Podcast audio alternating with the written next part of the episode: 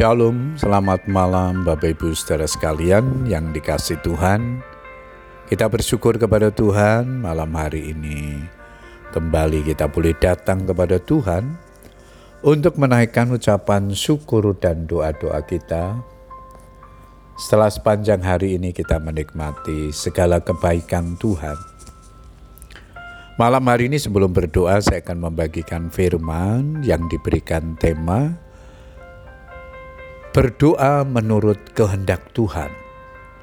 Ayat mas kita di dalam 1 Yohanes 5 ayat 15, firman Tuhan berkata demikian, Dan jikalau kita tahu bahwa ia mengabulkan apa saja yang kita minta, maka kita juga tahu bahwa kita telah memperoleh segala sesuatu yang telah kita minta kepadanya. Setiap orang percaya mempunyai hak istimewa untuk berdoa kepada Tuhan, di mana kita semua berharap doa-doa yang kita panjatkan didengar dan dijawab olehnya, sebagaimana yang ia janjikan melalui firman-Nya. Karena setiap orang yang meminta menerima, dan setiap orang yang mencari mendapat, dan setiap orang yang mengetuk, baginya pintu dibukakan. Matius 7 ayat yang ke-8.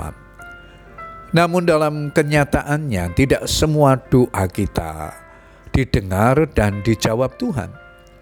Inilah yang sering kali menimbulkan kekecewaan.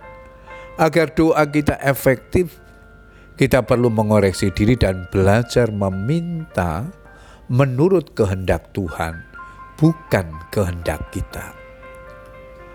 Suatu kali Filipus berkata kepada Tuhan Yesus, Tuhan tunjukkanlah Bapa itu kepada kami, itu sudah cukup bagi kami. Kata Yesus kepadanya, telah sekian lama aku bersama-sama kamu Filipus, namun engkau tidak mengenal aku. Barang siapa telah melihat aku, ia telah melihat Bapa. Bagaimana engkau berkata, tunjukkanlah Bapa itu kepada kami? Tidakkah percaya engkau bahwa aku di dalam Bapa dan Bapa di dalam aku? Yohanes 14 ayat 8 sampai 10. Meskipun telah bersama-sama dengan Tuhan Yesus sekian lama, makan sehidangan dengannya dan melakukan perjalanan pelayanan bersama, Filipus masih belum juga memahami siapa sesungguhnya Tuhan Yesus sehingga ia meminta agar Tuhan Yesus menunjukkan Bapa kepadanya. Ia rindu untuk melihat secara nyata. Mungkin Filipus berharap agar Tuhan Yesus mewujudkan sosok mulia Sang Bapa sama seperti yang dilihat oleh para nabi yang hidup di zaman perjanjian lama.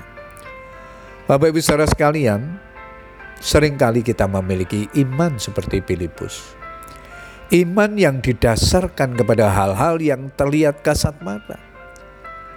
Iman kita bangkit ketika kita melihat mujizat dinyatakan secara langsung atau melihat cahaya menyinari kita saat sedang berdoa di kamar. Kita selalu ingin melihat sesuatu yang spektakuler untuk menguatkan iman kita. Namun Tuhan Yesus tidak pernah mengajarkan sikap doa yang demikian. Sebab jika doa dan iman bergantung pada hal-hal yang terlihat mata jasmani, kita pasti akan kecewa. Apakah doa-doa kita sekarang ini sering terpusat kepada keinginan untuk memaksa Tuhan memenuhi kehendak kita?